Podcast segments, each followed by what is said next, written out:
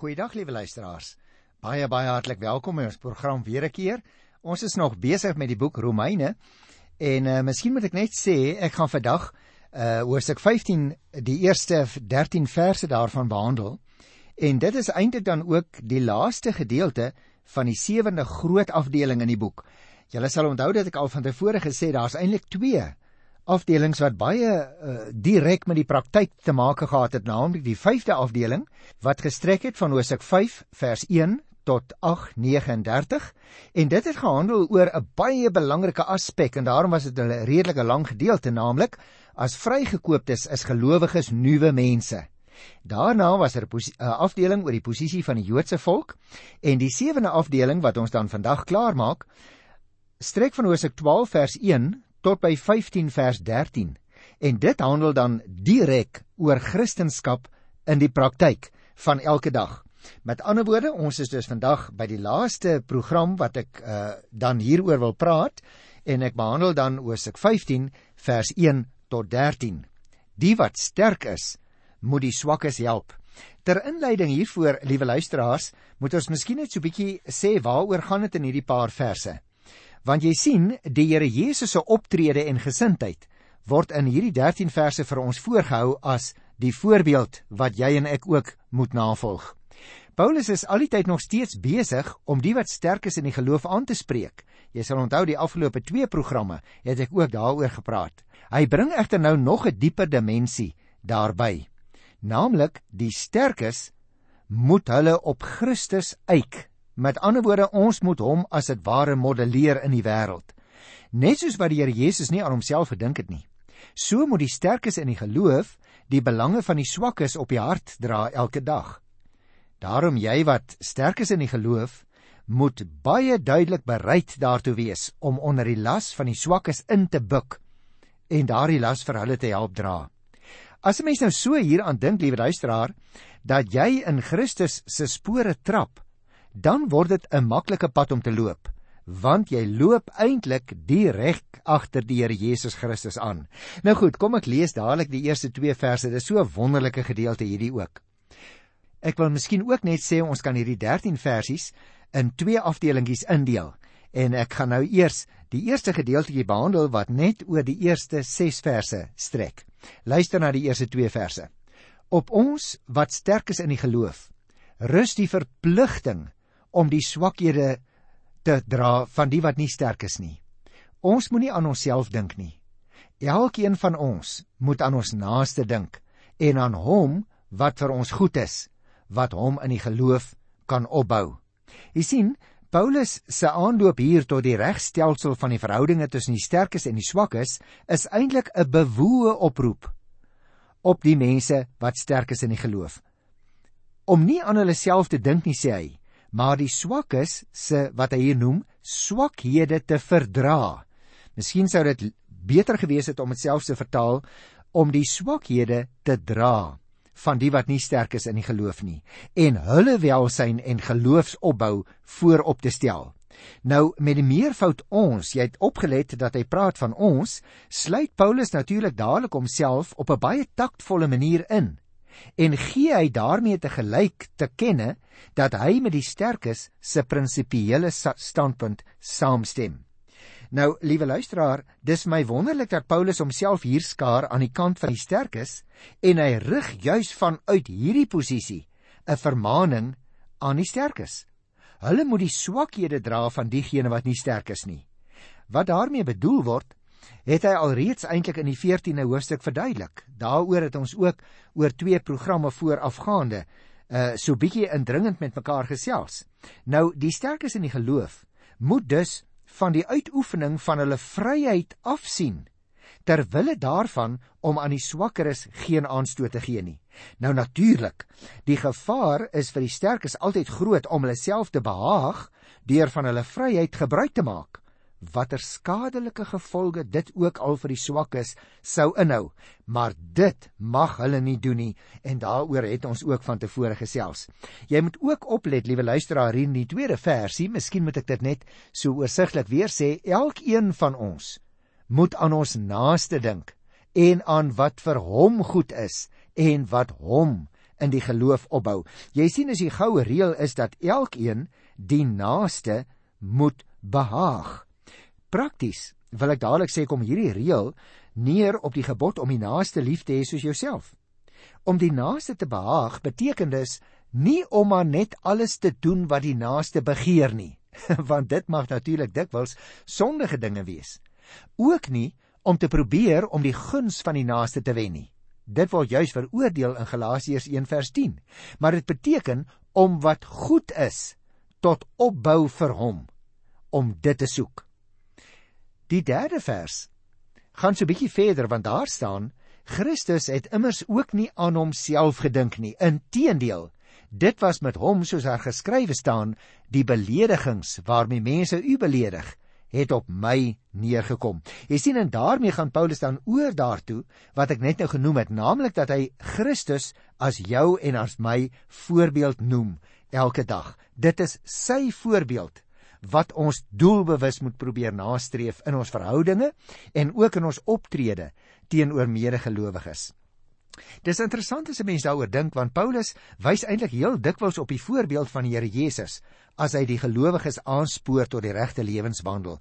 As jy gedeeltes wil hê, gaan kyk gerus in Filippense 2 vers 5 en ook so 'n bietjie verder en daar in 1 Korintiërs hoofstuk 10 van die 33ste vers af en ook in 1 Tessalonisense 1 vers 6.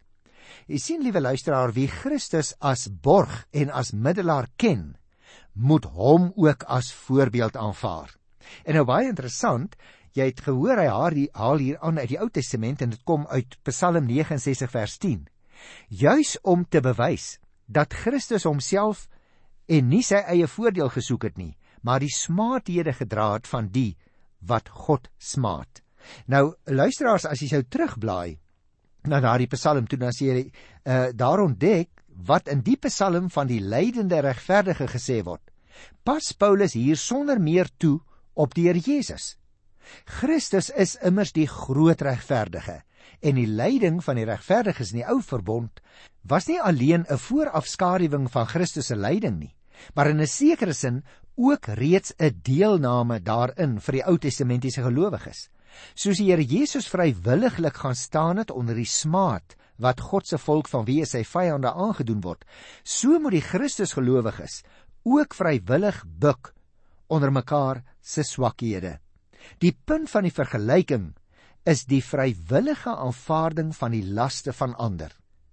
Ek wil tog ook vir jou vra want jy sien die Bybel noop ook vir my om hierop weer 'n keer te antwoord. Is jy regtig elke dag gewillig om ander Christusgelowiges wat nog swak is in die geloof se laste te help dra? Of soos die apostel dit hier uitdruk in die nuwe vertaling om hulle swakhede te verdra? Want ons kan tog so maklik ongeduldig word met ander Christene. En dikwels besef ons nie, sommige van hulle is miskien nog nie sterk in die geloof nie. En daarom het hulle vra oor dinge wat vir jou en vir my baie duidelik is omdat ons al 'n lang pad daarmee kom. Wat 'n wonderlike voorbeeld wat die apostel aan ons voorhou. Want jy sien die Here Jesus het elke keer neergebuk, elke keer mense wat in ons terme dom en onkundig is oor die sake van die koninkryk om daardie mense te help en hulle nie sommer net te veroordeel of af te kam nie. Ek dink dit is iets wat ek self in elk geval weer 'n keer baie sterk myself moet voorneem, want 'n mens kan tog so maklik by ander mense vinnig verbyhardloop sonder dat jy regtig 'n oor het en 'n oog vir die dinge waaronder hulle swaar kry. Luister nou na vers 5 en 6. En mag God die bron van alle standvastigheid en bemoediging, gee dat julle eensgesindheid onder mekaar sal openbaar, soos Christus Jesus dit wil hê.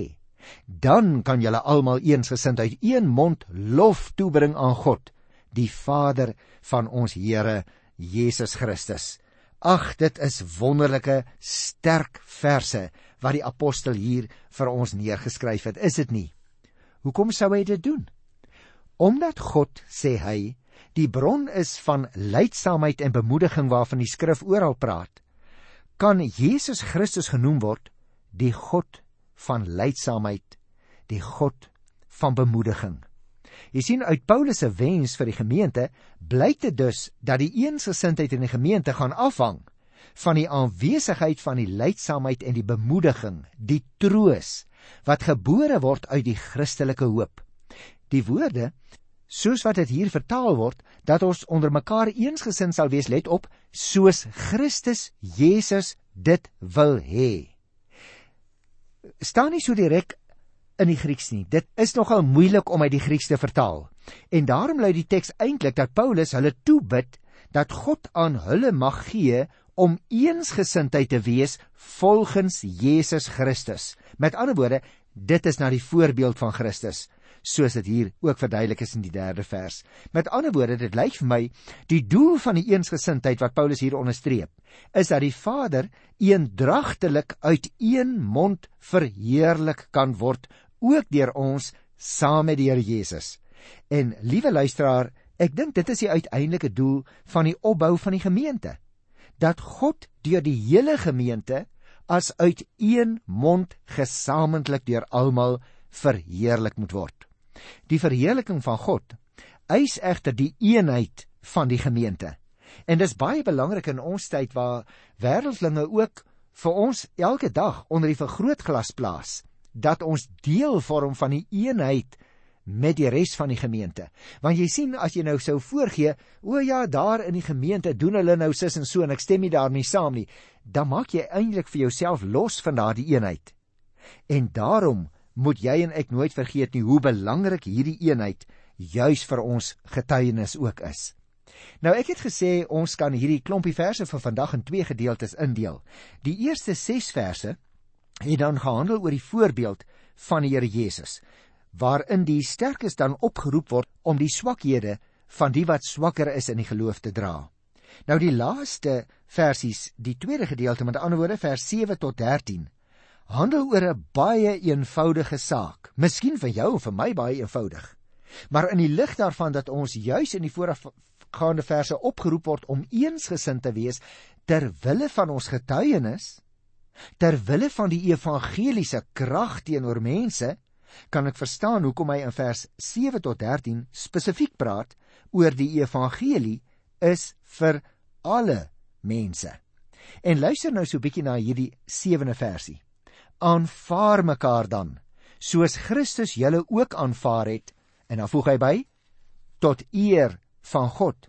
Jy sien voorheen het Paulus die sterkes in die geloof opgeroep om hulle swakker broers te aanvaar.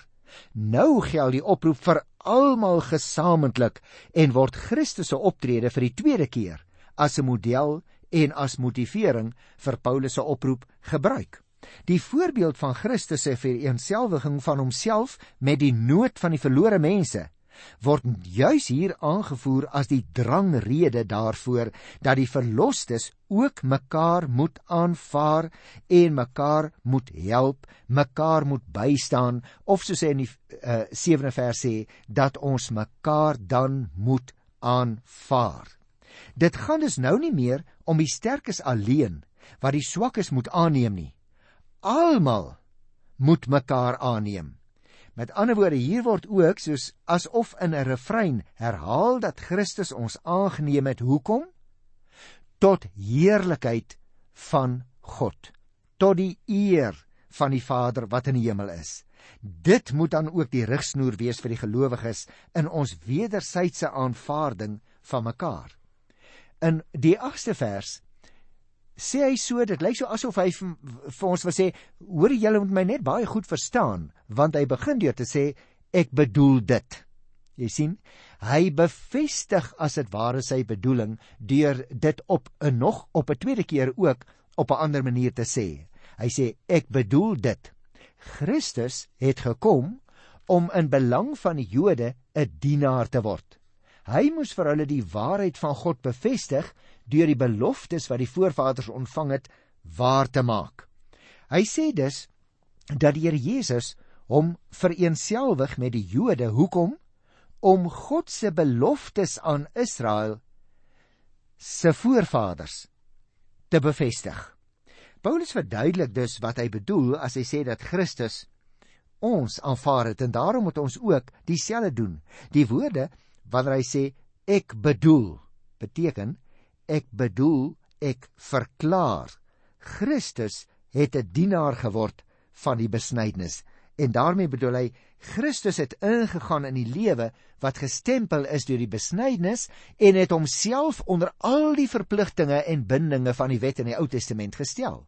Ons leer dit ook in Galasiërs 4 vers 4. Nou hoekom het hy dit gedoen? Ten einde vir die volk van Israel die diens te lewer dat hy die beloftes van God opnuut aan hulle bevestig het. Met ander woorde, die Here Jesus het hom nie losgemaak van die beloftes in die Ou Testament nie, ook nie losgemaak van die wet in die Ou Testament nie. Hy het dit kom volmaak, sê hy op 'n ander plek. En daardeur het hy juis die waarheid van God bewys, dat God naamlik sy beloftes aan die aardsvaders nie laat val het nie, maar hy het dit waar gemaak. En dit vloei dan op 'n heel natuurlike manier in sy argument oor na die 9de vers toe. Hy sê hy het ook gekom sodat die ander nasies God oor sy ontferming sou verheerlik, soos daar geskrywe staan. Daarom sal ek u loof voor die nasies en tot die eer van u naam sal ek 'n lofpsalm sing. En dis baie belangrik dat ons dit sal opmerk dat hy hier sê want anderzijds sê hy het die Here Jesus ook die heidene daartoe gebring om God oor sy groot ontferming wat hy in Christus aan hulle bewys het te verheerlik. Hy sê die Here Jesus het nie net gekom om die beloftes wat aan die Jode gemaak is vol te maak nie, maar hy het ook gekom om juis sy ontferming wat God aan nie Jode bewys het om dit te kom demonstreer. Nou moet ons natuurlik onthou in die eerste Ou Testamentiese aanhaling wat hy hier maak, naamlik Psalm 18 vers 50, is dit Dawid wat daar in daardie Psalm figureer en Dawid dus wat God loof en die nasies daarbey wil betrek. In die volgende twee aanhalings wat hy maak, uh hierso in die 10de en die 11de vers, dit kom uit Deuteronomium hoofstuk 32 vers 43 en ook Psalm 117 vers 1. En as jy in daardie psalms gaan kyk, dan as jy sien, daarin word ook die nasies self tot die vreugde bedryf en die lof aan God opgeroep. Nou kom hy by sy slot sitaat van hierdie afdeling. En dit begin daar by die 12de vers. Nou haal die apostel vir Jesaja die profeet 700 jaar van tevore aan hy sê en Jesaja sê ook: Isaia sal 'n nakomeling hê. Nou Isaia sal jy onthou was die pa van Jesaja. Nou sê uh, Paulus hierso Isaia sal 'n nakomeling hê en hy sal opstaan om die nasies te regeer. Op hom sal die nasies hulle hoop vestig. Hierdie slotsitaat kom nou uit Jesaja by die 11de hoofstuk by die 10de vers. En dit is messiaans van inhoud. Met ander woorde, die aanhaling het vooruit gekyk na die koms van die Messias. Nou die Messias is natuurlik die Here Jesus, maar ook soos die vorige aanhalings was dit universeel gerig. Met ander woorde, die Dawids nakomeling, Jesus Christus, is die koning van die nasies. Hy is die een op wie hulle almal hoop vir heil en geluk. Met dit alles lyk dit vir my, liewe luisteraar, beklemtoon Paulus vir ons dat die Here Jesus Christus se optrede wat vir die gelowiges daar in Rome destyds te midde van al die verskille wat daar ook bestaan het, tot voorbeeld moet dien. Die lof van God onder die nasies moet juis bewerkstellig word wanneer die Christene wat uit die Jodendom oorgekom het en nou Christene is dat die heidene na hulle kan kyk en sê nou maar God word deur die Christene verheerlik en dit spreek ons aan. Dit trek ons aan na die Christus oor wie hulle praat en van wie hulle getuig. Die implikasie hiervan die luisteraar is dat die Christene deur mekaar te aanvaar ook God se lof onder die nasies sal uitbrei. Dit is dus baie belangrik ook vir die tyd waarin jy en ek lewe dat ons lof ander mense kan nader trek. Maar as ons nie instemmig is oor die lof aan God nie, dan gaan die nasies, die ongelowige wat na ons kyk en wat vir ons onder die vergrootglas dophou elke dag, dan gaan hy ook nie aangetrek word na die Here Jesus toe nie. Want as die volgelinge van die Here Jesus nie die lof van God gaan verkondig nie, wie anders moet dit dan doen? En hulle verwag, die ongelowige verwag om juis na jou en na my te kyk as gelowiges. En hy sluit af by die 13de vers waar hy dit baie duidelik sê: Mag God, die bron van hoop, julle deur julle geloof met alle vreugde en vrede vervul, sodat julle hoop al hoe sterker kan word deur die krag van die Heilige Gees. Nou, dit is weer 'n aansluiting by Paulus se hoofmotief wat hy genoem het in die 12de vers. Waar hy dus nou hier in die 13de vers kom en hy praat oor die inhoudryke en plegtige gebed wat hy vir sy lesers het. Wat nie alleen die brief begin afsluit nie, maar ook sy hele hoofbetoog wat hy alreeds in Hosea 1 vers 18 begin het afsluit. Die vreugde en die vrede waarvan hy hier praat, wat alleen langs die weg van die geloof te kry is, is baie belangrik luisteraar. Maar die hoofaksent val op die Christelike hoop waarvan God die bron en die Heilige Gees die versterker is. Met ander woorde, die hoop wat God in jou en in my hart gelê het, word hoe langer hoe meer versterk deur die Heilige Gees wat in ons harte werk. Wie met ander woorde uit hierdie toekomsverwagting lewe, vir hom verdwerg die verskille oor kos en drank eintlik tot wat sal ek dit noem? Tot beselagtighede. Jy en ek moet versigtig wees om oor nie belangrike sake voortdurend met mekaar te gesels en te redeneer in plaas daarvan dat die hoop wat ons in ons harte dra versterk sal word deur die Heilige Gees. En presies dit, liewe luisteraars, is wat Paulus vir die gelowiges in Rome toebid. Weet jy dit is my amper asof hierdie vers so aktueel is soos die dagblad wat jy en ek dikwels in die oggend oopmaak om dadelik die beste en die varsste nuus daarin te lees. Dit is nuus wat jy en ek al gehoor het, maar ons moet dit elke keer weer hoor.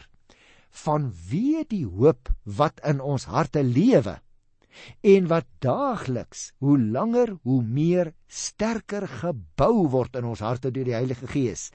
Des te meer sal die ongelowige na ons kan kyk en sê dit lyk vir my die Christene het iets wat ek nie het nie en dit sal ook die ongelowige nader trek na die Here Jesus toe. Daarom moet ons elke keer onthou dat ons nie ja dat ons nooit die lig op onsself mag laat val nie, maar dit terugkaats na God toe. En met blink oë kan ons die volle dag van die Here tegemoet loop. Die God van hoop soos Paulus die Here hier noem in vers 12 en 13, wat die Christelike hoop in die gemeente opwek en ook die God op wie die Christelike hoop gerig is, dit is daardie God se hoop wat jy en ek moet deurgee. Daarom sluit die apostel hierdie gedeelte vir die gelowiges in Rome af met die bede dat God die gemeente sal volmaak met die vrugte van die geloof, naamlik wat hy noem alle blydskap en vrede. As jy nou eh, so 'n bietjie moet stil sit en dink oor die gemeente waarin jy behoort, liewe luisteraar, sou jy sê dat daardie gemeente as kenmerke het blydskap en vrede. Nie net onder mekaar nie, maar ook blydskap en vrede wat uitgekaats word na die mense wat met die straat verbystap. Nou moet jy ook versigtig wees en ek moet versigtig wees dat ons nou nie na die gemeente wil kyk en sê ja maar die ou klomp is so suur nie. Hulle kla net altyd oor alles. Die vraag liewe luisteraar kom ook tot jou en tot my hier agter die mikrofoon. Individueel. Is ek ook 'n blydskapdraer? Is ek ook 'n hoopdraer? Is ek ook 'n vredemaker Jy sien, want die hoop van al hierdie dinge is die grondtoon van die gemeente se bestaanswyse in hierdie wêreld. Die hoop smee juis die gemeente saam tot 'n een eenheid. Dit is egter alleen en dis baie belangrik. Dit is alleen deur die krag van die Heilige Gees hier in vers 13 se laaste sinnetjie dat die gemeente werklik in die hoop kan lewe en versterk kan word. Ook hier is alles net genade. Stel jouself oop vir die versterking van die Heilige Gees. En liewe luisteraar, jy sal 'n sterk hoopdraer wees teenoor mense wat soms hooploos geword het in die wêreld. Wat 'n voorreg om deel daarvan te mag wees. Ek groet jou in die wonderlike naam van Jesus Christus op wie ons hoop. Tot volgende keer. Totsiens.